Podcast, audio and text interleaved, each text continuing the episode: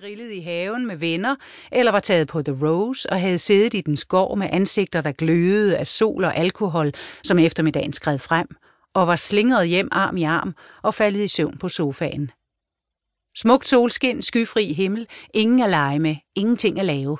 Sådan som mit liv er i øjeblikket, er det sværere om sommeren, når der er så meget dagslys, så lidt mørke at gemme sig i, når alle er udendørs og skamløst aggressivt lykkelige.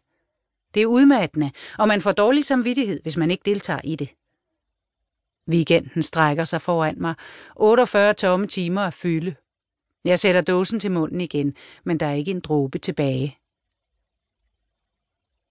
Mandag den 8. juli 2013. Morgen. Det er en lettelse at være tilbage på 804-toget. Det er ikke, fordi jeg ikke kan vente med at komme ind til London og begynde min uge. Jeg vil faktisk ikke specielt gerne være i London.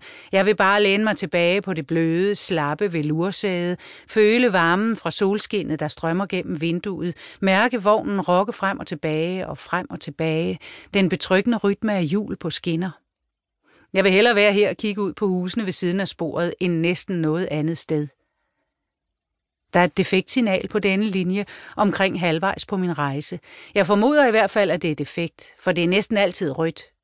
Vi stanser der de fleste dage, samtidig bare i nogle få sekunder, andre gange i flere minutter. Hvis jeg sidder i vogn D, hvilket jeg som regel gør, og toget stopper ved dette signal, hvilket det næsten altid gør, har jeg perfekt udsigt til mit yndlingshus, nummer 15. Nummer 15 minder meget om de andre huse på denne sporstrækning. Et viktoriansk dobbelthus, to etager, en smal velplejet have, der går omkring 6 meter ned imod et hegn, så nogle meters ingenmandsland, hvorefter man kommer til togskinnerne. Jeg kan dette hus udenad. Jeg kender samtlige mursten.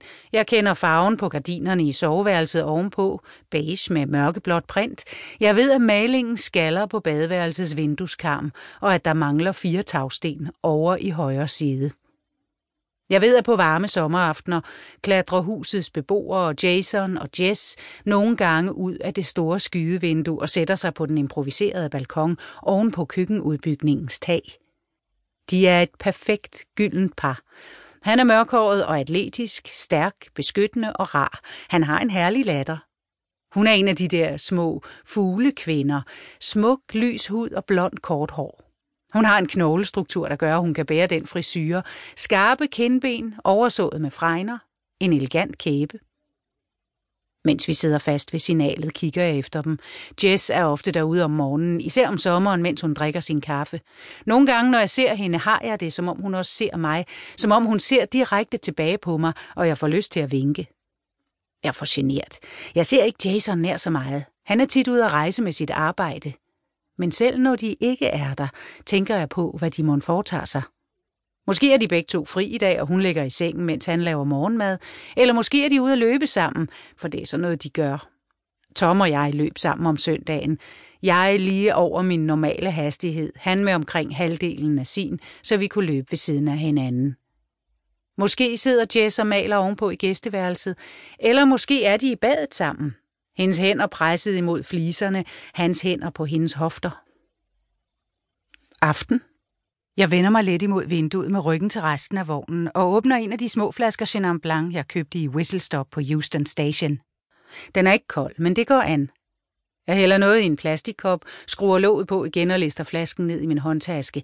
Det er mindre accepteret at drikke i toget om mandagen, medmindre man gør det i selskab, hvilket jeg ikke gør.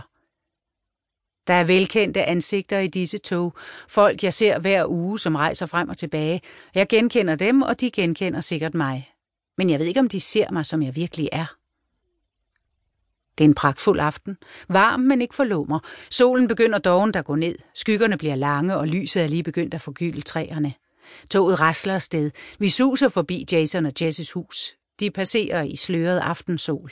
Nogle gange, ikke ofte, kan jeg se dem fra denne side af sporet. Hvis der ikke er noget tog i den modsatte retning, og hvis vi kører tilstrækkeligt langsomt, kan jeg nogle gange få et glimt af dem ude på deres altan. Hvis ikke, som i dag, kan jeg forestille mig dem. Jess sidder med fødderne på bordet ude på altanen med et glas vin i hånden, mens Jason står bag hende med hænderne på hendes skuldre. Jeg kan forestille mig, hvordan hans hænder føles, deres vægt, betryggende og beskyttende.